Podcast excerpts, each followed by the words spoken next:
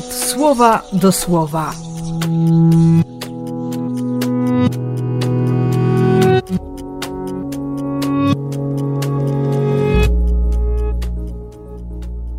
Pierwszy sierpnia, wtorek.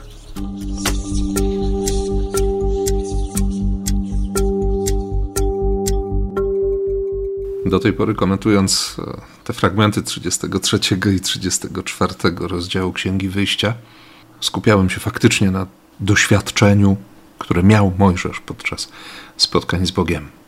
Czy to był namiot spotkania, czy, czy góra Choreb, bo w tym czytaniu mamy i jedno, i drugie miejsce. Ale od pewnego czasu moją uwagę przykuwa osoba Jozułego, Jezusa, który nie oddala się z wnętrza namiotu. On jest w Bożej obecności dłużej niż Mojżesz.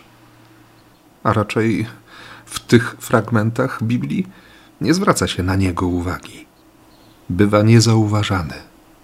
No właśnie, być człowiekiem, który, który nie musi być zauważony przez ludzi, ale ma czas wpatrywać się w oczy Boga, być nieustannie na widoku Pana pozwalać na to, by serce było odsłonięte przed Bogiem, żeby życie nie było zachwaszczone, ale wypełnione łaską, błogosławieństwem, miłosierdziem. Wpatrywać się w te najważniejsze oczy i słuchać tego, którego słowo jest słowem życia. Życzę tego i Tobie, i sobie.